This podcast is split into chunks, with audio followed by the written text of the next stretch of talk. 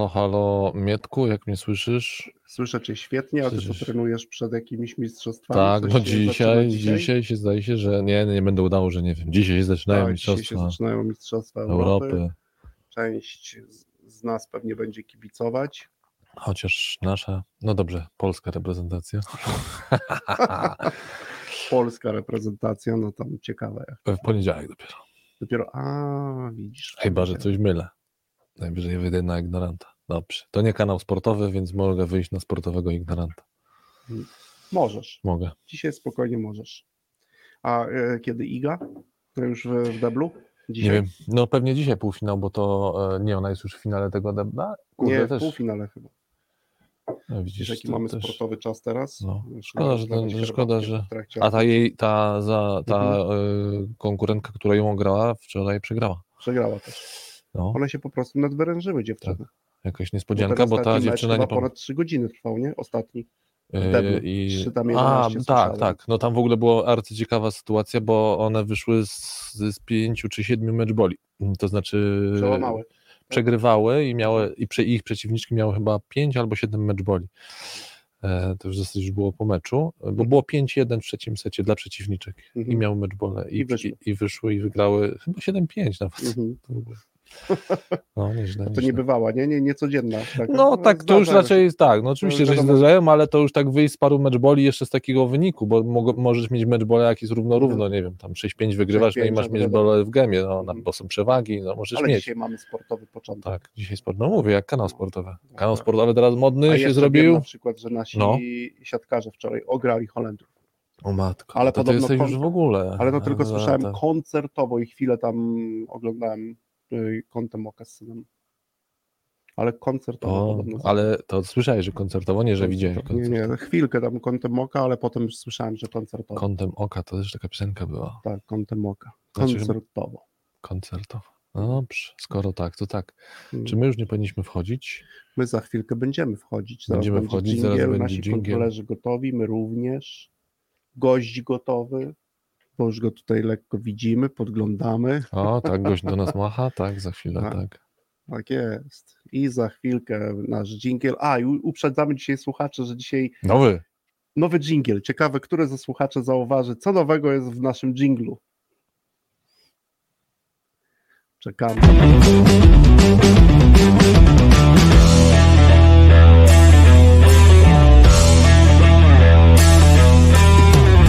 W Radiu Algorytmia w każdy piątek o 3.12 i 48 sekund w pobudzający, przyjemny sposób rozmawiamy o pożytecznych rzeczach w zarządzaniu i sprzedaży. No dobrze, to już witamy oficjalnie. Dzień dobry wieczór. Witam wszystkich słuchaczy naszego radia Algorytmia. Witam Ciebie, Tristanie. No i cześć, dzień oczywiście dobry.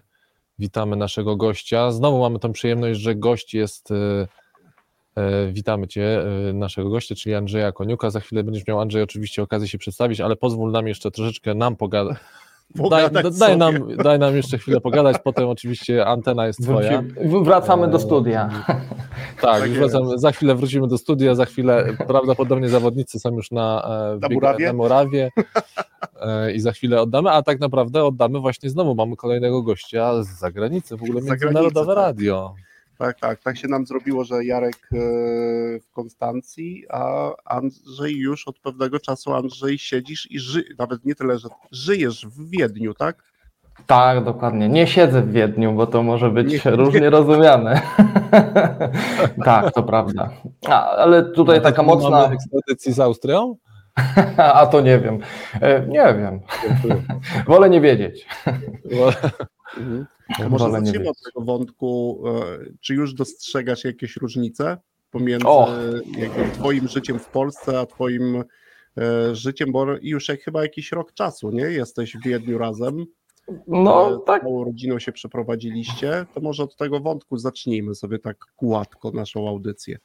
No to jest taki wątek, że można by o nim mówić i mówić, bo różnic jest, y, pomimo że jesteśmy w tym samym kręgu kulturowym de facto, y, to no jest bardzo dużo. Y, możemy zacząć, to już mówię dla słuchaczy takich cie, cie, ciekawych świata, od badań Gerta Hofstede, wejść na kalkulator Gerta Hofstede i e, sprawdzić e, różnice kulturowe, tam tych sześć czynników, wymiarów kultury i powiem Wam, że one są w codziennym życiu bardzo zauważalne. Tak? Różnica long-term orientation, które w Polsce mamy, no, no, nie mamy, to znaczy patrzymy bardzo krótko, co zresztą widać w sprzedaży, tak? no bo jesteś tak dobry jak ostatni twój kwartał albo miesiąc. Są takie firmy, w których tak, tak, tak się podchodzi.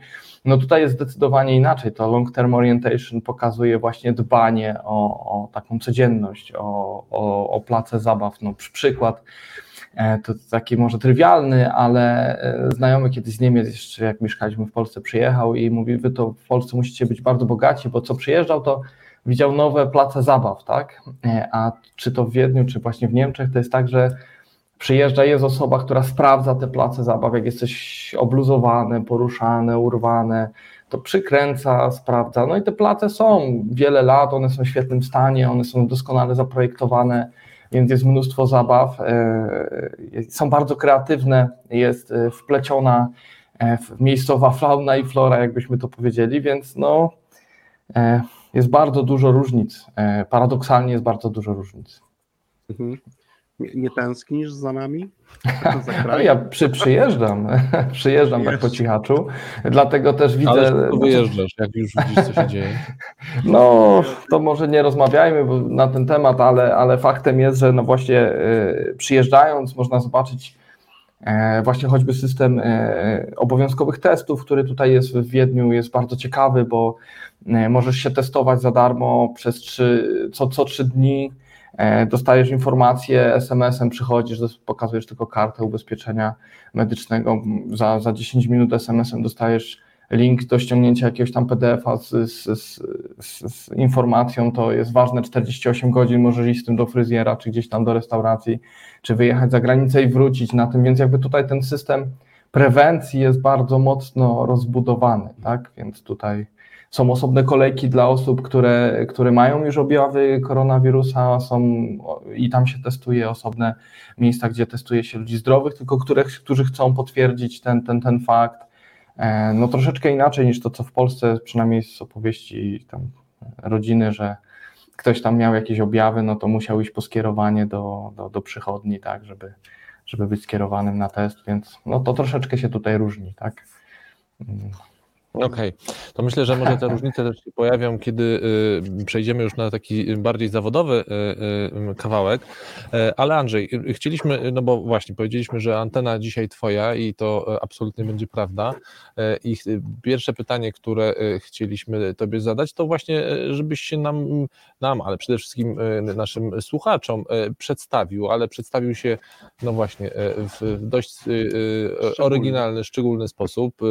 Część słuchaczy pewnie pewnie już ten sposób e, zna, e, ci słuchacze, którzy nas słuchają e, wcześniej. Trzy cyfry, liczby, które w najlepszy sposób, dla Ciebie najlepszy oczywiście, charakteryzują no, Twój zawodowy sznyt, czyli E, właśnie, gdybyś no miał wiesz, się... Wiesz, no. Konrad, że u Andrzeja to może być jeszcze szczególne z, no to... z uwagi na zawód. Ja mam wykon... nadzieję, że to wykorzysta. Bo tego prosisz jeszcze te liczby i prosisz o to finansista. Tak jest, dokładnie. tak. E, no słuchajcie, to jest wyzwanie, żeby się e, określić liczbami, chociaż bardzo, bardzo mi się spodobało, dlatego że mm, a liczby to nic innego jak język, tak? E, więc ja czasami e, jako finansista tu czuję się trochę jak tłumacz, to znaczy tłumaczę, co jest w liczbach, tłumaczę, co jest w procesach e, i bardzo to lubię i postanowiłem trochę podejść do tematu inaczej i pierwszą liczbą, którą wypowiem, znaczy, która według mnie mnie charakteryzuje, to jest liczba pi, bo tak, pi... Jak tak, zacząłeś o tym mówić, coś mówię, pewnie pi, no. Pewnie pi.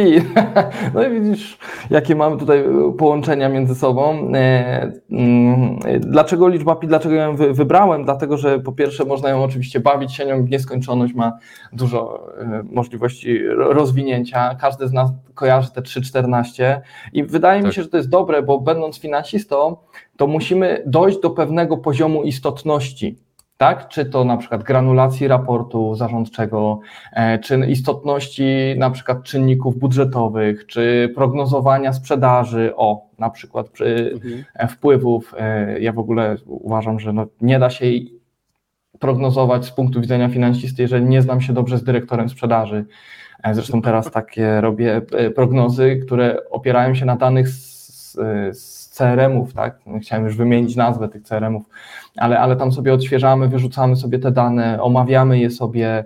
Ja wiem, że to może nie być najbardziej poprawny metodologicznie e, podejście, poprawne podejście metodologiczne, ale określamy sobie szanse zamknięcia takiego lida i wtedy określamy, że w zależności od poziomu lejka, E, ta pierwotna wartość kontraktu, o którą walczymy, to mnożymy przez prawdopodobieństwo, potem i z tego sobie robimy takie e, właśnie prognozy e, przychodów, które no, bardzo mocno wpływają na kolejne właśnie pozycje budżetowe typu no, ile mam kupić, tak, tego co sprzedajemy, czy, czy, czy na co mam być przygotowany, na jakie wydatki kapitałowe, w jaki sposób w jaki sposób e, handlowcy mają rozmawiać o terminach płatności, za co te terminy płatności mogą dawać czy, nie wiem, uruchomić skonto. To są wszystko takie rzeczy, które no jakby w moim mniemaniu finansista Oczywiście to jest człowiek, który no, realizuje procesy poboczne, no bo nie ukrywajmy, no, finanse są wtórne do biznesu, tak? One opisują to, co się dzieje, ale biada tej firmie, gdzie finanse e, zajmują się kreowaniem rzeczywistości. Więc ja, ja sobie zdaję sprawę i bardzo się cieszę z tego, że jestem gdzieś tam z tyłu w szeregu, w sensie reprezentuję procesy pomocnicze, bo trochę czuję się tak jak no, finansista nie powinien być gwiazdą, powinien być producentem gwiazd, że tak powiem no. e, oględnie, tak?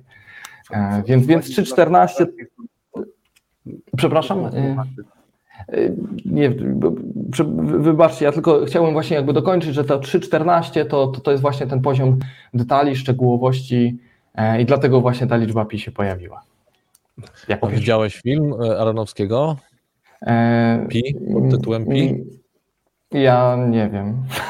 Nie nie wiem. Y, tam y, Tristan wrzuca, że co jakiś czas, że, y, że, że tam handlowiec musi obyty być i basta. No i ja miałem nadzieję, że unikniemy takich pytań, bo. A, nie, ale mogę nie być obyty. E, Andrzej, w ogóle to nie czuję się zakłopotany. To po prostu ciekawy, wydaje sam chcę do tego filmu wrócić. Widziałem go naście lat temu. To jest o takim chyba naukowcem, tak, który ma, nazwijmy to, pewną obsesję, no bo chyba to jednak ma obsesję na punkcie liczby pi. E, mhm. Szuka pewnego wzoru na rzeczywistość e, w kontekście liczby pi. No to, to ja nie wiem, nie wiem, czy to jest... nie była sztuka grana w teatrze i, i małżonka mnie zabrała A. też w Polsce. Maria Peszek bodajże gra tam główną rolę. Ale może coś nie. zmyślam, więc, więc znaczy w sensie kojarzę taką sztukę, ale nie wiem, czy to była właśnie ta pi. No, znaleźlibyśmy chyba kilku ludzi na świecie, którzy mają obsesję dotyczącą liczby pi i jeszcze wielu innych ciekawych paradoksów e, matematycznych. E, no dobra, Andrzej, to 3,14. Dwie pozostałe?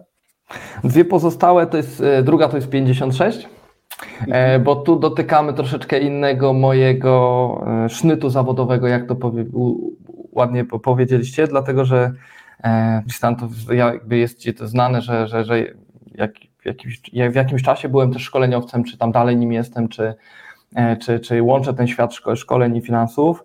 E, I, I te 56 skąd się wzięło? Otóż i to jest takie trochę moje podejście do komunikacji, e, nie tylko właśnie komunikacji wizualnej czy poprzez cyferki, ale też w ogóle jakby podejścia trochę do życia. A 56 ma swoją historię, dlatego że jak mój syn starszy uczył się tabliczki mnożenia, to oczywiście z jaką parą liczby miał problem? No 7 razy 8, nie? No jakby każdy, każdy z nas ma, ma, ma ten, znaczy, znaczy może nie, że każdy, ale część osób ma, ma, ma problem, sam miałem.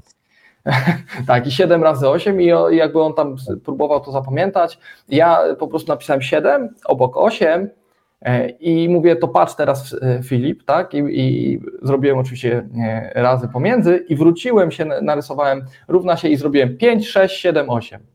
5, 6, 7, 8, nie? I on wtedy mówił, i do tej pory gdzieś tam wspominamy tą historię i właśnie to jest to. E, także to jest właśnie to. I, I, dlaczego ja o tym mówię, że druga mnie definiuje? Dlatego, że szukam zawsze sposobów, tak? E, przekazania jakiejś informacji, dotarcia do odbiorcy właśnie z liczbą, z powagą sytuacji.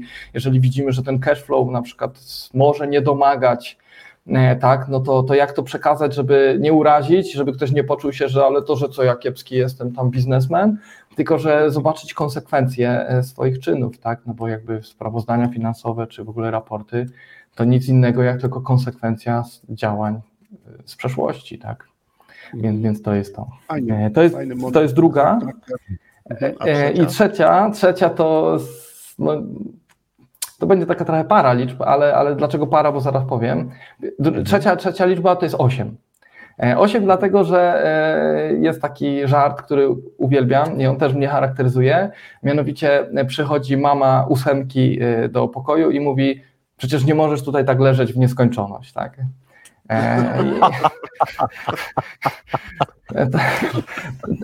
Także to, to, tak, to taki, taki, taki żarcik, który, który, który, który postanowiłem sobie opowiedzieć, ale, ale dlaczego ja o tym mówię? Nie, nie gniewajcie się. Ja, ja jestem fanem w ogóle takich żartów troszkę mm, kłopotliwych może, tak? Może takich niezbyt lotnych albo E, ale, ale lubię, lubię żarty, dlatego że one mi bardzo pomagają, tak? To znaczy, może nie, że żarty, bo to nie chodzi o to, żeby żartować sobie z kogoś, z czegoś, z sytuacji, tylko lubię humor sytuacyjny, on bardzo pomaga. E, e, czy w sprzedaży? Pamiętam, jak byłem takim, powiedzmy, biznesowym pacholęciem, i, i, poszedłem sobie, kiedyś tam zajmowałem się też jakimiś tam, nie wiem, źródłami finansowania i tak dalej. Rozmawiałem z zarządem i siedzimy sobie, rozmawiamy, tam jest umowa do podpisania, a on mówi, ja tego nie podpiszę. Nie? A, a, to takie finansowanie na tamte czasy dość duże, bo to był jakiś milion e, i to był jeszcze człowiek, który, który pochodził z innego kraju, on przyjechał i tam mówi trochę taką łamaną polszczyzną i mówi, ja się pytam, ale dobrze, a dlaczego? On mówi, no bo pan jest żółw. No i ja w pewnym momencie tak patrzę na niego i coś mi przyszło do głowy, nie wiem co, ale mówię, a zna pan tą bajkę o żółwiu i zającu? On tak się na mnie patrzy i mówi, znam. Mówię, no i kto wtedy wygrał? A on tak, ha, podoba mi się i do, do pozostałych członków dobra, bierzemy. Nie? I teraz jakby chodzi mi o to, że jakby humor niekoniecznie chodzi o to, żeby sobie dworować z czegoś kogoś, tak. E, czy z sytuacji, czy obniżać rangę napięć, e, jakby e, rangę zdarzeń, ale żeby obniżać to takie napięcie, które czasami jest paraliżujące. Bo nie chodzi o to, żeby właśnie e, presja paraliżowała, tylko żeby presja motywowała. I teraz dzięki odpowiedniej dawce humoru możemy to napięcie motywacyjne jakby obniżać albo, albo nawet zwiększać, tak? jeżeli, jeżeli mamy takie umiejętności. Dlatego ten humor. Żart może być też w takiej funkcji, e, czy też jak jest e, dość świadomie wykorzystane, może być w funkcji takiego nieco metapoziomu, tak? Mhm. Czy nawet przypowieść, no bo nawet przypowieść o, o zającu i żółwiu, no to jest no to jest pewna historia, która może być no właśnie pewną me, me, metapoziomem i takim trochę właśnie rozładowaniem, czy też spojrzeniem z innej perspektywy, więc no, żart jak najbardziej. Tak jest, że te niektóre wątki, Andrzej, się jakby bardzo łączą. E, my oczywiście często też pytamy o te liczby, cyfry, e, no i też o ten sposób e, przedstawienia się. No i muszę Ci powiedzieć, że nieskończoność, nieskończenie często powraca. również w tych jest bardzo znany. Ale nie w formie ósemki. Nie w formie ósemki, ale e, zawsze mnie na przykład intryguje to w trakcie rozmów, że w zespołach sprzedażowych z którymi też często pracujemy, z, no prawie, prawie co, co, co jakieś tam jest nieskończoność i ona tam jest z różnych powodów. E, ma coś takiego, że przyciąga nas e, w samym chyba kształcie, bo kiedyś o to dopytywałem kilka osób, no albo też oczywiście e, w znaczeniu. No ten, ten, ten żart i ta przypowieść, no, zwłaszcza no, trywializować takie rzeczy związane z biznesem, nie? bo to znaczy mówię z finansami, to często mówimy o bardzo poważnych procesach, o poważnych konsekwencjach dla prowadzenia biznesu. No i faktycznie obniżenie trochę takiego poziomu stresu z tym związanego, e, pewnie nie, jednego albo nie jedną osobę może do czegoś przekonać. Dobra, no to jesteśmy po przedstawieniu się, to ruszamy sobie e, powoli do tej części takiej istotnej i merytorycznej. No i teraz chcemy, Andrzej, bo też e, oczywiście sam pracujesz, pracujesz z wieloma firmami, miałeś okazję niejednokrotnie pracować z wieloma menadżerami, to chciałbym Cię zapytać o takie E, no właśnie, trochę o Twoją rolę i funkcję w takiej pracy w organizacjach w kontekście różnych rezultatów, które na przykład wspierasz w osiąganiu albo realizujesz z firmami, żebyś trochę o tej funkcji z perspektywy swoich doświadczeń opowiedział. Trochę oczywiście piję do tytułu i do tego pytania: przedmiot, zjawisko, albo w jakiej roli ty najczęściej chciałbyś w organizacji, chciałbyś lub po prostu no, często w tej organizacji występujesz w takich rolach. Mhm. E, to jest w ogóle ważkie pytanie, e, takie tożsamościowe, prawda? Kim jestem jako finansista, e, no można, a i dokąd zmierzam, za chwilę quo vadis by było, tak? Jakbyśmy jeszcze tutaj dołożyli, że, że, że, nie wiem, finansista to ktoś, kto niesie ten kaganek oświaty, w sensie finansowy, albo nie wiem, rozświetla drogę ludziom właśnie cyferkami, to pewnie by tutaj Jarek spychała się, dzwonił i by powiedział, ej, ej Prometeusz, spokojnie mi tu, nie? Więc... Nie, nie, on by, ci, on by od razu jaskinią pojechał, wiesz, tam jest jaskinia, Platon. Tak, tak, on, on by tam znalazł mity w, w, tym, w tym, co mówię, e, ale, ale faktem jest, że to jest takie dobre pytanie, jak patrzeć na finansistę i czy w ogóle można się z nim zaprzyjaźnić. Trochę wyszło tak, jak ja bym był taki jakiś, nie wiem, e, jakiś kawalarz albo dowcip. Nie, jakby to nie o to chodzi, E, trzeba pamiętać, że finansista, no bo jakby możemy patrzeć na rzeczy albo jak na, jako na przedmiot, czyli jest względnie stały, on się nie, nie, nie zmienia w krótkiej perspektywie, bądź jako zjawisko, czyli on, ono jest zmienne w czasie. Tak? I teraz ja bym chciał, bo najlepsze finanse to są finanse adekwatne, adekwatne do potrzeb, adekwatne do wielkości organizacji, w ogóle do, do, e, do, do organizacji, tak? bo na przykład kwestia raportowania to niejednokrotnie trzeba się nad takim raportem e, wielokrotnie jakby głowić, bo to, co mamy w sprawozdaniach finansowych, czyli ten kształt rachunku wyników, e, wyników, on często nie pasuje. On często nie pasuje. I żeby teraz oddać dobrze procesy, które się dzieją w firmie, e, czyli oddać procesy, czyli nadać im cyferkę nad, nad procesem, to trzeba się zastanowić. Wielokrotnie biorę udział w jakichś dyskusjach, które KPI są najlepsze. No które? No te, które są adekwatne no bo skąd wiemy, jakie są, jakie, jakie powinniśmy mierzyć? Znaczy, teraz można patrzeć na wszystko. Rozwój technologii, business intelligence sprawił i jakby gromadzenie danych dzisiaj nie jest problemem. W zasadzie można sobie wszystko opisać, e, ściągać. Internet rzeczy, przemysł 4.0, to wszystko gromadzi morze danych, tak? Ale weź to teraz e, zepnij. E, I teraz dobre finanse, które są, jakby łączą controlling, a controlling wtedy jest dobry, kiedy łączy dane finansowe z danymi finansowymi właśnie, tak? Czyli na przykład e, działania, czynności, e, które przynoszą efekt, które mniejszy, więc jakby popatrzmy na finansistę jako na zjawisko, to znaczy on będzie zmienny w czasie, on, on będzie odpowiadał na potrzeby firmy, on będzie się do niej dostosowywał. No weźmy przykład, mamy startup, tak? No to startup, e, startupu raczej nie powinniśmy ocen- znaczy raczej, nie powinniśmy oceniać tak jak dojrzałe przedsiębiorstwa. Nie możemy krępować ich KPI-ami. Oni mają inne zadania, oni mają dotrzeć e, do jak największej ilości osób i zweryfikować tą swoją hipotezę biznesową, cały model biznesowy. W ogóle powinienem jako finansista poznać najpierw ten model finansowy, to znaczy model biznesowy, tak? Nawet nie, że tam mogę sobie użyć nawigatora Sandgalen, ale mogę sobie, mhm. mogę sobie tam, nie wiem, zrobić BMC, tam Business Matrix Canvas, Link Canvas, whatever, ale po to, żebym ja ten model biznes, biznesowy znał, bo ja muszę wiedzieć, gdzie, jak jest tworzona wartość, gdzie ona jest, jak ona jest oferowana, e, e, ile za nią dostaniemy, e, ile ona kosztuje, jak ona jest zgrana w czasie. Mm, to, jest, to są takie pytania, na które finansista powinien umieć odpowiedzieć, by być partnerem, sparring partnerem. No tak, tak, tak właśnie sparring partnerem też de, de, dobre, de, dobre też nazwanie tego. Też chwilkę rozmawialiśmy przygotowując się do tej audycji, że często też finansista po prostu może antycypować to, co się wydarzy za chwilę w organizacji. E, na tym, e, no właśnie, takim stwierdzeniu, nieco pytaniu, do, od którego zaczniemy, kończymy naszą pierwszą część. Teraz pierwszy set muzyczny dzisiaj i za chwilę słuchacze i Andrzej wracamy do drugiej części naszej rozmowy.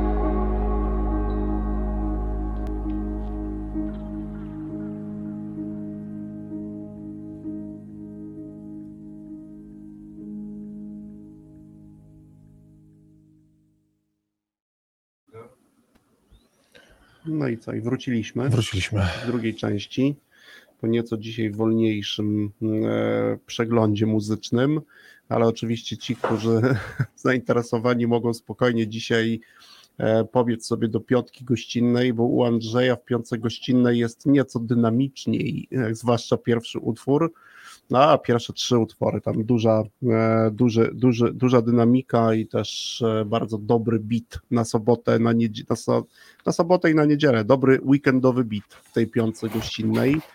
No dobrze, Andrzej, to co, y, biegniemy sobie dalej. Mamy finansistę, który pracuje firmami w ten sposób, że oczywiście no, i trochę antycypuje, i zmienia się w czasie, i potrafi dostosować się, bo też tutaj używasz bardzo ważnego słowa, czyli a jest jakby proponuje różnego typu rozwiązania, które są adekwatne, czy to do, sta, do, do sytuacji, czy do jakiegoś, nazwijmy to studium, w którym znajdą, albo sta, sta, studium, stady, No nie wiem, co Stadium rozwoju. tak, tak, tak, Stadium tak, do rozwoju to jakiegoś, stadium. Mhm. tak, tak, tak, do, do, do jakiegoś Mhm. momentu, etapu rozwoju organizacji. E, No dobrze, to teraz możemy sobie spokojnie, tak z Twojego doświadczenia pracy z e, firmami, no to jest to pytanie, które też zadajemy często w drugiej części. E, Gdybyś miał zagregować i tak wymienić trzy, dzisiaj odwrócimy nieco kolejność, czyli wymienić trzy czy cztery dobre rzeczy, które albo o które powinna zadbać firma, no właśnie, żeby osiągać rezultaty, no, które chce osiągnąć. Mówię oczywiście zadbać w kwestii obszaru finansowego, tak? Och, y, hmm, hmm. no to jest pytanie dość, y, dość, dość trudne, dlatego że no jakby na, na usta cisną, ciśnie się taka klasyczna odpowiedź, tak? Zadbaj o płynność, e, bezpieczeństwo, o, o źródła finansowania, tak? Czyli sprawdź sobie ryzyko, choćby badając bilans, sprawdź sobie na co cię stać, e, za, zapewnij mm, i o, i może inaczej, o, o to jest dobra, dobra rzecz. Po, po pierwsze postaw sobie cel.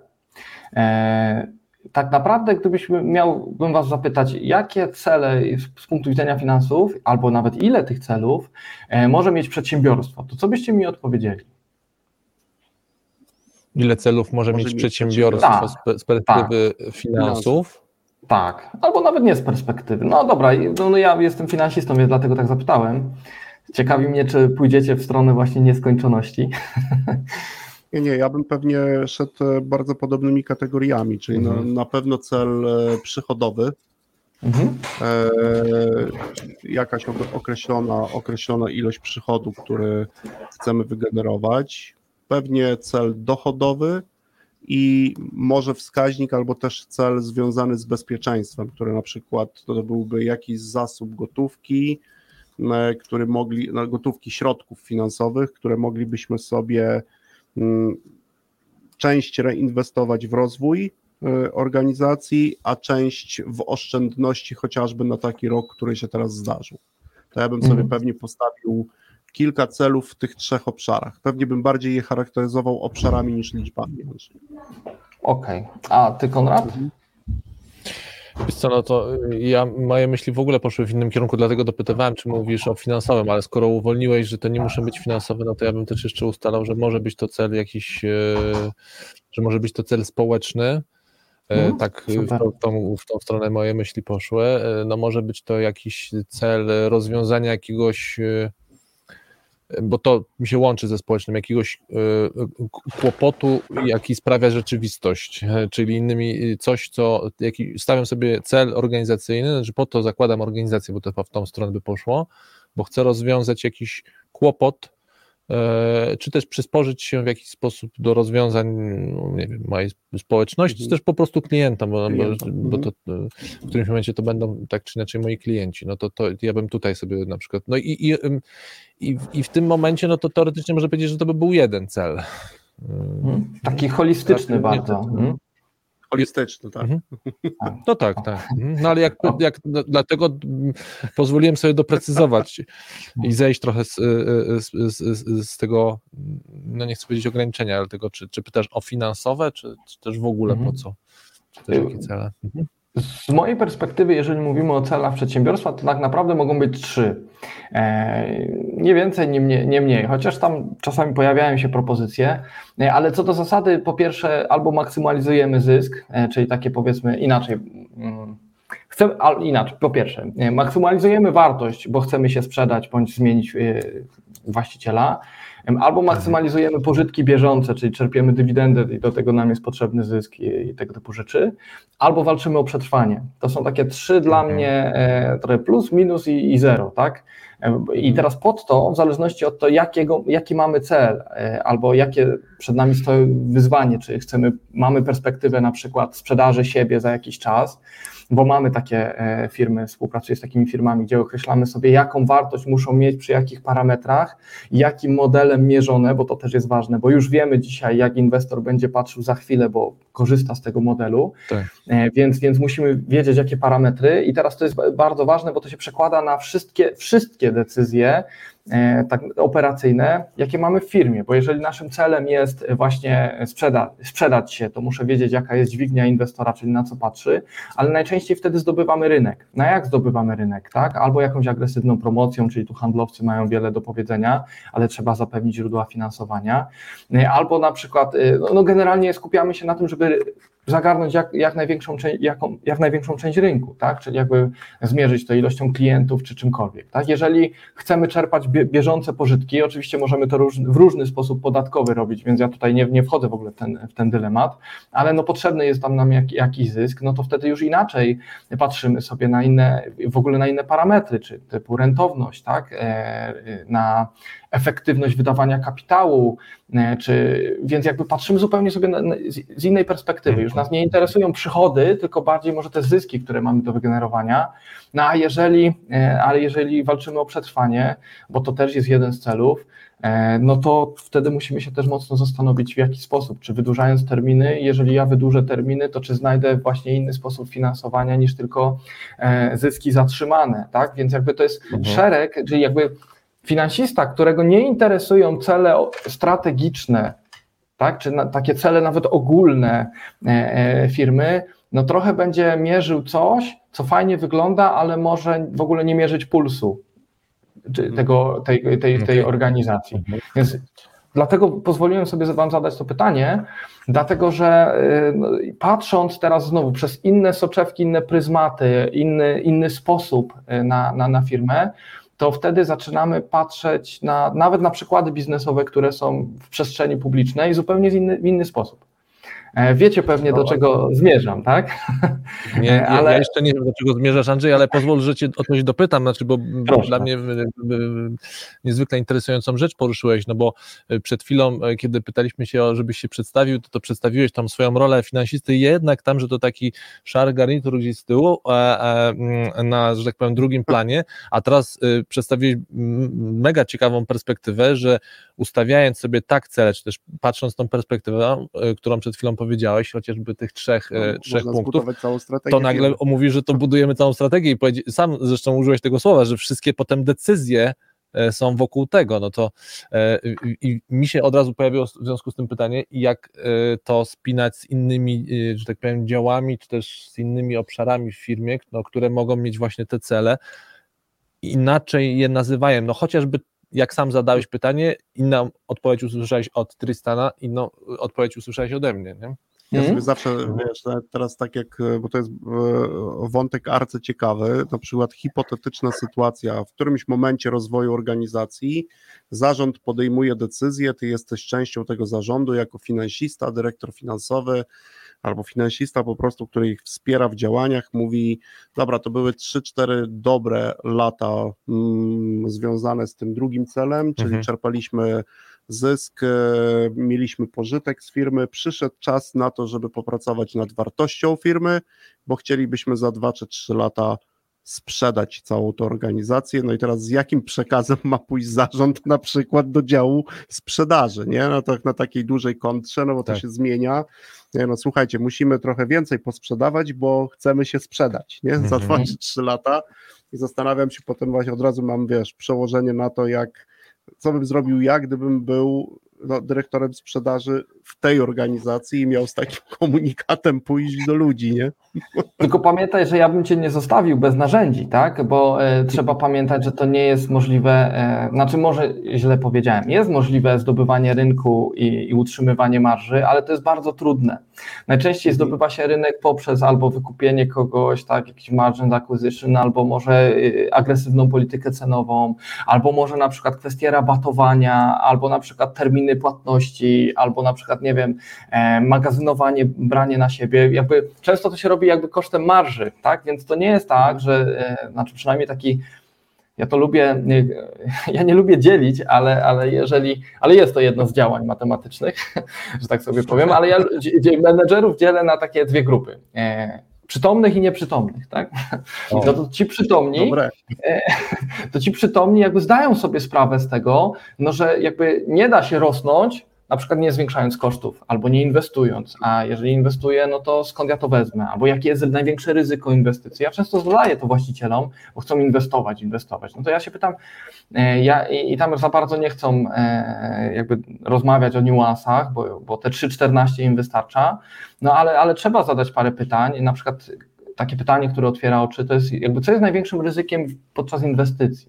No i ktoś tam mówi, że tam, nie wiem, zarobi na niej albo straci. Ja mówię, ale to, to nie jest ryzyko największe. Największe ryzyko to, że ta inwestycja nie zostanie skończona. To jest największe ryzyko, nie? Y, Więc, więc tutaj trzeba się nad tym zastanowić, e, a żeby zobaczyć, czy jest skończona, trzeba zapewnić na to odpowiednie źródła finansowania, a nie tylko finansować się zyskiem bieżącym, bo nigdy nie wiesz, czy to będzie, e, czy, czy ten zysk utrzymasz. To jest jedna rzecz. Druga, czy, czy, czy w ogóle koszt kapitału, tak? Który kapitał jest e, droższy? Obcy, który możemy pożyczyć, czy własny? Jeżeli Mhm. właściciele mają oczekiwania, że za 4 lata dostaną pieniądze z powrotem. Ja często stosuję taki bardzo uproszczony, pewnie ci finansiści, który, którzy nas słuchają, to teraz prychnęli kawą, ale, ale ja stosuję taki uproszczony e, taki wzór na, na WACC, czyli ważony koszt kapitału. Pytam się, kiedy chciałbyś mieć te pieniądze z powrotem, tego właściciela Mhm. czy zarząd. A on mówi za 4 lata. Mówię, no czyli oczekiwana twoja stopa zwrotu to jest 25 rocznie. To bardzo drogo, to kredyty mamy po Bardzo 8. Nie? I teraz ludzie sobie nie zdają sprawy z tego, że oni oczekując zwrotu szybko, e, podnoszą właśnie e, nawet swój koszt czy, czy, czy, czy inne parametry, tak? Więc trzeba z nimi rozmawiać. I powiedzieliście, e, zau- zauważył tutaj Konrad jeden taki, taki, taki zgrzyt może. Jak to jest, że ja tutaj mówię, że jestem taki szary w tle, a tutaj mówię, że to dotykam tematów strategicznych, bo pytanie jest takie, w jakiej roli chcecie zobaczyć właściciel? Jeżeli nie chce Twojego doradztwa, to nie wpychaj mu go. Nie? Poinformuj o konsekwencjach, ale y, no jest takie brzydkie powiedzenie, ale ja je przypo, jakby przytoczę. Nie ucz świni śpiewu, bo świnie z, rozdrażnisz i siebie zmęczysz, tak? E, Ja teraz nie, nie mówię, że właściciele tacy są, tak? Ale, ale trzeba ostrożnie dozować informacje, które masz do przekazania, bo mówienie prawdy nie zwalnia cię z obowiązku podania tego w strawny sposób dla właściciela, tak? czy dla osoby, Jasne. którą, którą rozmawiasz. E, e, Andrzej, to, to, to co powiedziałeś, to absolutnie nie było dla mnie zgrzytem, było e, raczej w kategoriach e, ciekawego e, odkrycia, e, odkrycia. bo od razu mi się pootwierały właśnie takie em, przestrzenie na to, jak to komunikować, zresztą to, co powiedział Tristan, jak to komunikować, ja z takiej perspektywy HR-owej, no dobra, tu jest dyrektor sprzedaży, który ma to e, zakomunikować swoim ludziom, ale teraz, e, no właśnie, ja muszę, e, czy też powinienem go w tym jakoś wspierać, E, mówię tak znowu wyobrażając sobie, wizualizując siebie e, jako e, wsparcie HR-owe, więc ja z tej perspektywy, tak, więc to, to, to, to, to, to nie był zgrzyt. E, A teraz e, przynajmniej z mojej perspektywy. E, Dzięki za to, co e, Andrzej powiedziałeś. Stawiamy przecinek, no bo nie kropkę jeszcze. E, e, Puszczamy e, set muzyczny e, i widzimy się w trzecim. secie e, naszej rozmowy.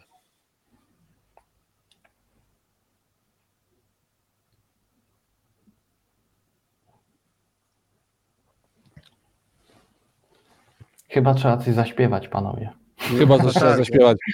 E, Nasza, e, nasza tutaj załoga przejęła się tym, wiesz, że świni się jednak nie da nauczyć śpiewać.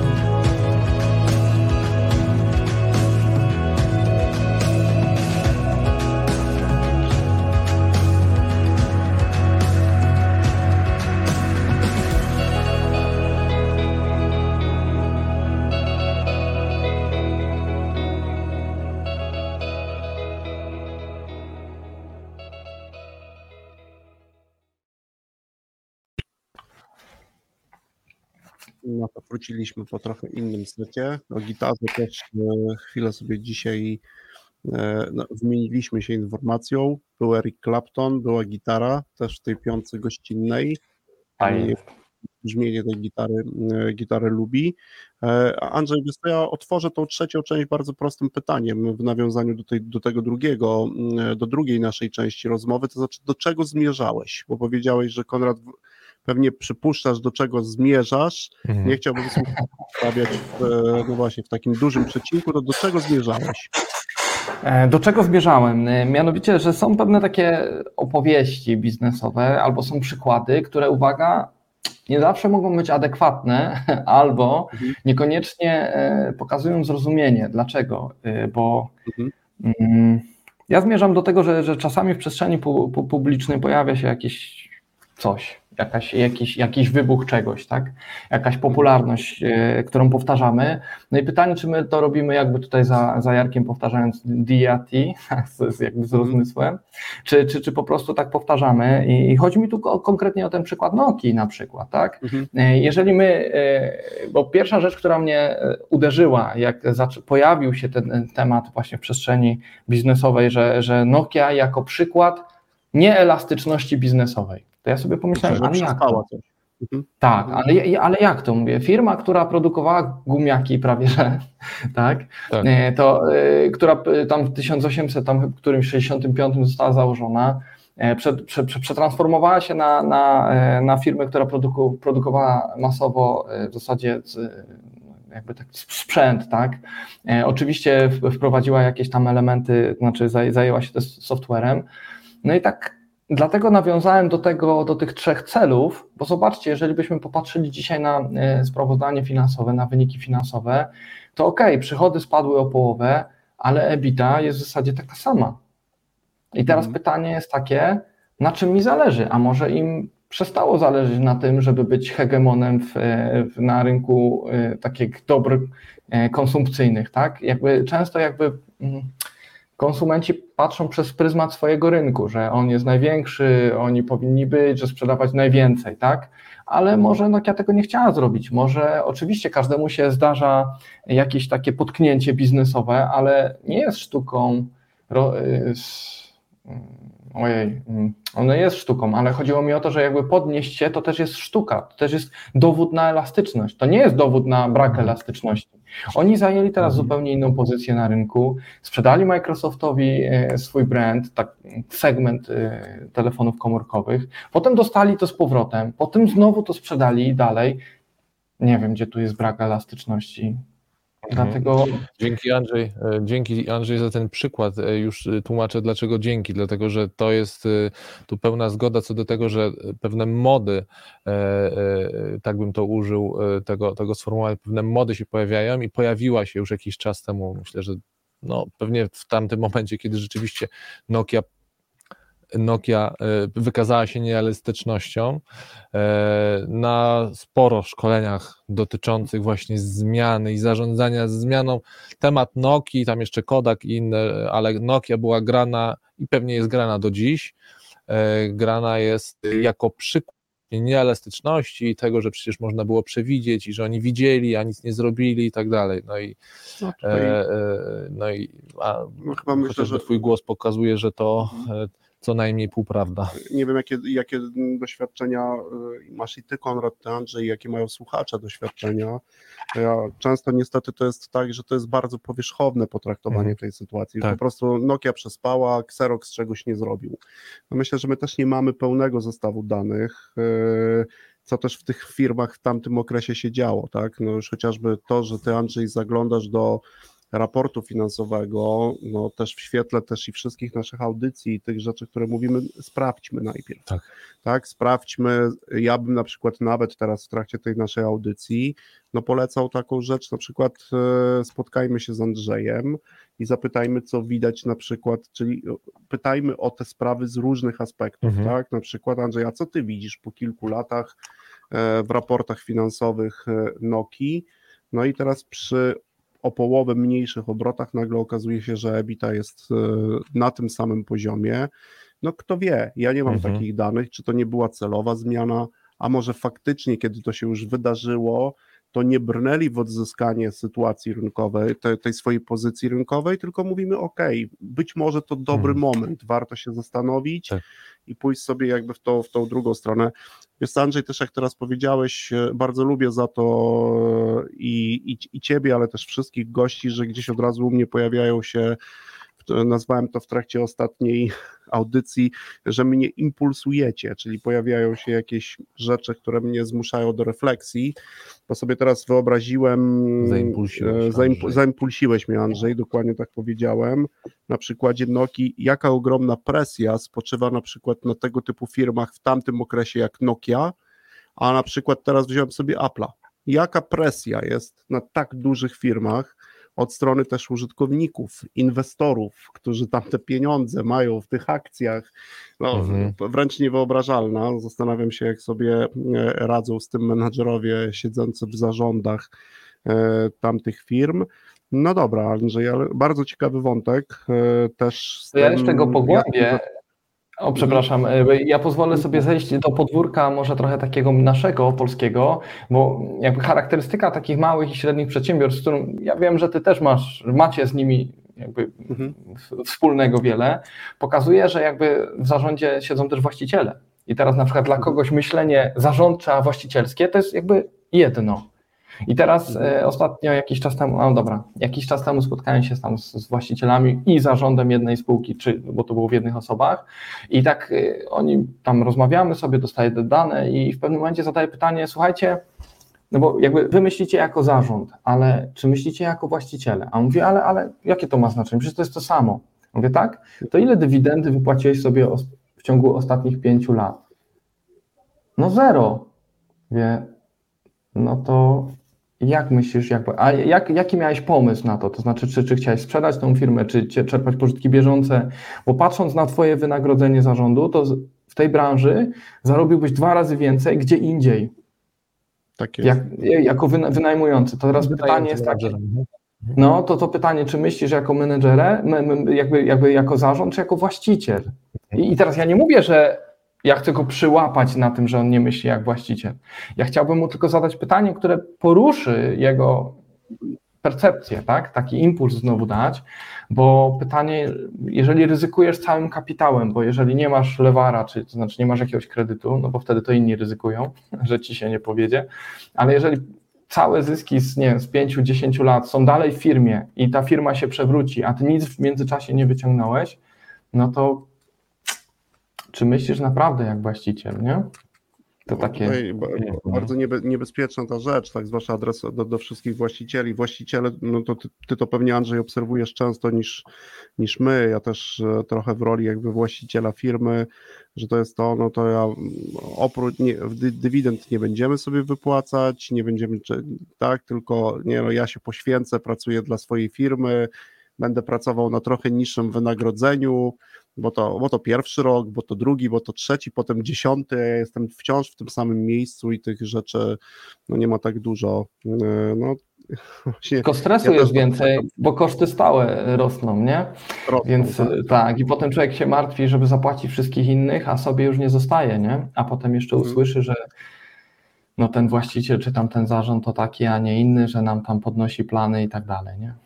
Mhm. Także to są takie No, to jest ciekawostki też bardzo ważny wątek, tak, o którym e, zresztą e, zbijają się różne perspektywy, a my też sugerowaliśmy, że będziemy gdzieś tymi e, perspektywami zbijać, bo Jarek znowu w poprzedniej w poprzedniej m, naszej audycji pokazywał, wiesz, tą perspektywę taką stricte pracowniczą, tak, że firma rośnie, no i co chwilę, a nasze pensje nie rosną, a wydaje nam się, że pensja właściciela bardzo często, czy też jego zysk z tej organizacji jest tak duży, a no wbrew mniemaniu często jest tak, że no ten właściciel przez wiele, wiele lat nie ma aż tak dużo dla siebie, tak, że te pieniądze, to co powiedziałeś, zostają w organizacji, e, one, no jeżeli jeszcze są dobrze reinwestowane, no to rośnie, ale rosną też koszty, bo rośnie też skala.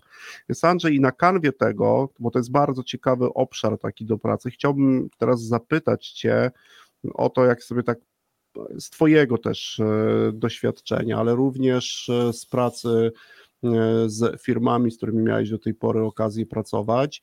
No właśnie, co my takiego często robimy w obszarze finansów, że w efekcie tego, chociaż teraz użyję takiego zwrotu, obniżamy sobie jakieś prawdopodobieństwo osiągnięcia e, na przykład jednego z tych wskaźników finansowych na dobrym poziomie, czyli trochę inaczej zadane pytanie, co robić, by tak naprawdę nie zrobić, albo co robimy, że często czegoś nie robimy w tym obszarze Mhm. finansowym, to co często dostrzegasz. No dobrym przykładem jest e, utożsamianie myślenia właścicielskiego z myśleniem zarządczym, ale może masz jeszcze inne przykłady. Och, tych przykładów można by mnożyć, bo jakby co firma to ma swoją charakterystykę.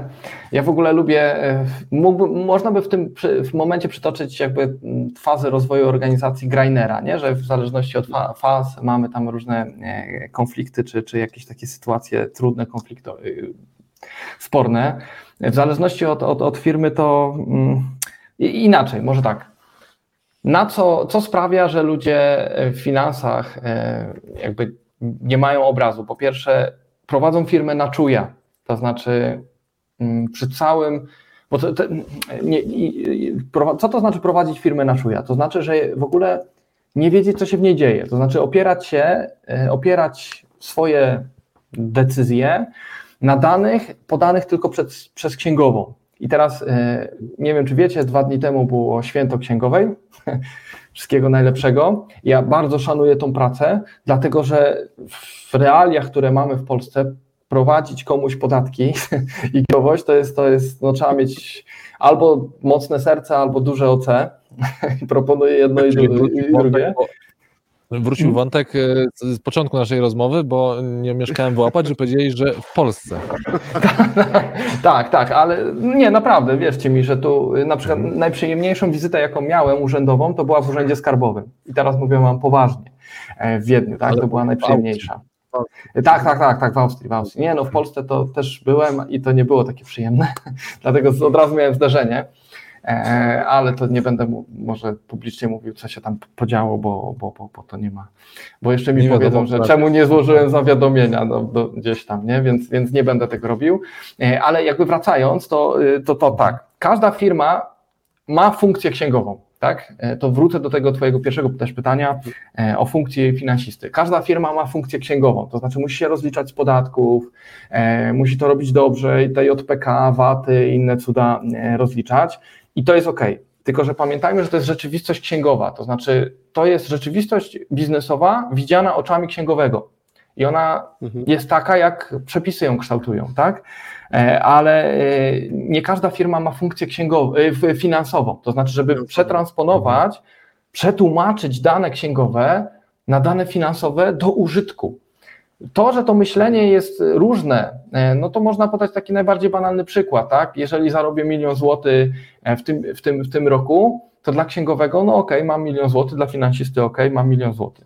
Ale ja ten sam milion za- zarobię w pół miliona w tym roku i w przyszłym, to dla księgowego będzie to samo, co ten, to, to, to, to taki sam milion, jak ten, który bym zarobił za chwilę. Wiecie, on, on jakby nie ma czegoś takiego jak koszt kapitału, on sobie tam nigdzie nie zaksięguje, tak? A dla mnie jako dla finansisty to jest ogromna różnica, czy ja ten milion dostanę za rok, dwa, trzy, czy ja go dostanę teraz, a ile muszę włożyć, żeby ten milion dostać. Więc jakby to chciałem pokazać, że ta funkcja księgowa jest bardzo ważna, bo ona nam trzyma interesariuszy pewnych na dystans, tak? E, Ale e, a funkcja fi- finansowa, ona nam tłumaczy, tak? I teraz ona nam tłumaczy tak w trochę w trzech wymiarach. E, Tłumaczy nam w wymiarze zasobów, jakie mamy, bo ja na przykład lubię bardzo pokazywać rachunek wyników przez trochę przez osoby, które to generują. Tak? Czyli mamy rachunek wyników, no i teraz mamy tam koszty bezpośrednie, tam oczywiście przychody, i to są ludzie ze sprzedaży i nie tylko. E, Potem mamy sobie ten koszty bezpośrednie i tam pokazujemy, kto to wytwarza, ale, ale patrząc jakby na to tak pozytywnie, nie negatywnie, bo tu znowu się pojawiła e, pewna zmiana w myśleniu finansistów. Finansiści jeszcze do niedawna człowieka utożsamiali z kosztem, to znaczy mówili tak, jest człowiek, jest koszt. No bo, bo, bo tak, bo, bo telefon, on mnie nie kosztuje, dopóki ktoś za niego nie złapie i nie zacznie dzwonić. Jeszcze do niedawna tak było, tak?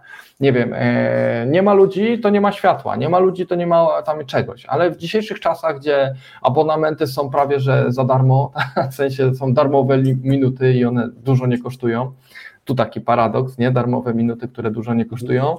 E, potem, że, że, że masz te oprogramowania sasowe, które, które to wolne stanowisko możesz prawie że wyposażyć i z chwili na chwilę je wyłączyć.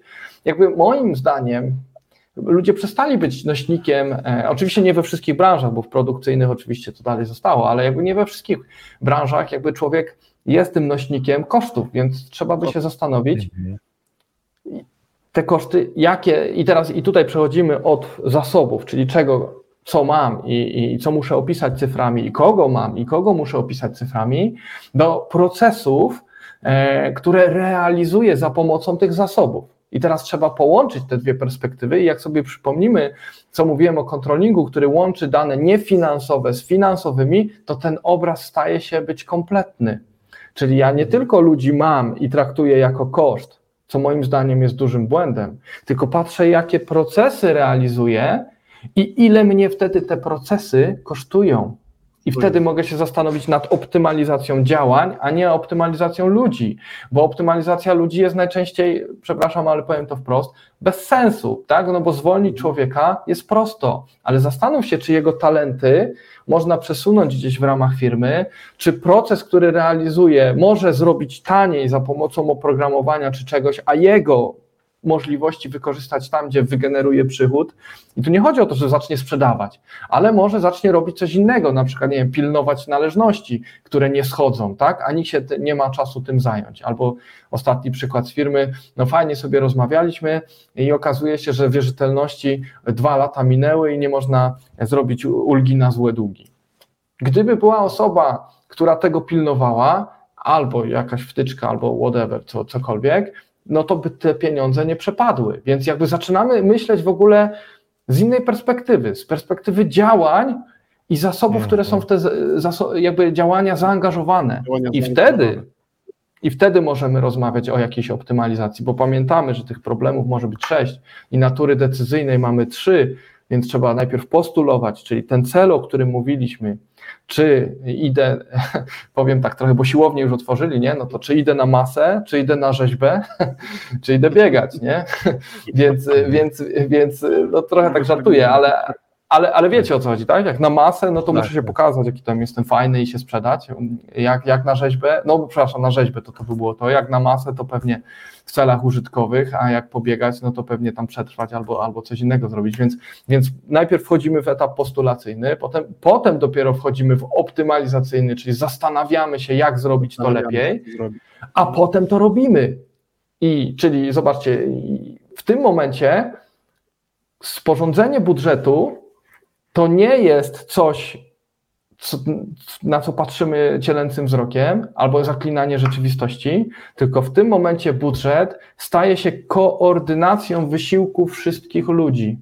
Ludzi. Bo przy małych organizacjach my się możemy dogadać, złapać na, na nie wiem, na, na korytarzu, nie wiem, na tym Teamsach czy, czy innych rzeczach. Przy małej organizacji możemy się dogadać, ale jak jest ona coraz jest większa, to zaczynamy planować, bo to jest nasz sposób koordynacji wszystkich wysiłków, bo jak każdy będzie szedł w drugą stronę, i co niestety często tak bywa, znam firmy, które ustawiają handlowców przeciwko sobie, przeciwko zarządowi, bo tak im się łatwiej sprzedaje. Nie? Czyli handlowiec idzie i jego kiwka to jest, wie pan, no ja bym panu obniżył, ale zarząd się nie zgodzi.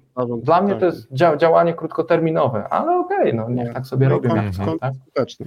Bardzo tak, e, Andrzej, e, słucham z uwagą Ciebie i zasłuchałem się, aż w taki, wiesz, tunel e, poznawczy wpadłem, no bo dla mnie to, co powiedziałeś, to jest, że tak powiem, miód na serce, już tłumaczę, co mam na myśli, miód na serce, bo powiedziałeś coś, dla mnie to, to, co przed chwilą powiedziałeś, jest argumentem za współpracą różnych działów, bo jak mówiłeś o przesunięciach, no że tak powiem, nie spodziewałbym się, że z ust finansisty usłyszę, i to nie jest, broń Boże, nie traktuj tego jako zaczepkę, e, że usłyszę e, argumenty e, HR-owe. No bo Mhm. przesuwanie i wykorzystywanie ludzi, a nie proste zwolnienie, po prostu dlatego, że mi się nie spina i traktuje człowieka jako koszt, bo w danej chwili, przez chwil, w danej rzeczy, i rzeczywiście, a okej, brakuje mi dla niego pracy, no to w takim razie to jest koszt, chcę obniżyć koszt, e, zwalniam pracownika, no to co, to, co powiedziałeś, no to jest absolutnie e, rozwiązanie, no że tak powiem, bliż ze Mhm. świata HR-u, no ale tutaj widzę e, w, w, w twojej osobie, no, no właśnie, w, w, partnera do rozmowy i, i, i w tym rozumieniu sobie e, no by było cudowna taka sytuacja, gdyby, w, gdyby w, w jednej organizacji takie osoby się mogły spotkać i właśnie te perspektywy ścierać ze sobą, w tym sensie e, e, wymieniać, ścierać je i mówić, ok, zobaczcie, przecież to mówi HR, ale to samo mówi e, człowiek, e, e, człowiek z finansów. Z finansów. Tak? No tak, tak, który ra, raczej, raczej rzadko przemawia do Mhm. jakby ludzi stojąc u boku kogoś, kto odpowiada za, e, za, no właśnie, za zasoby, tak jak powiedziałeś.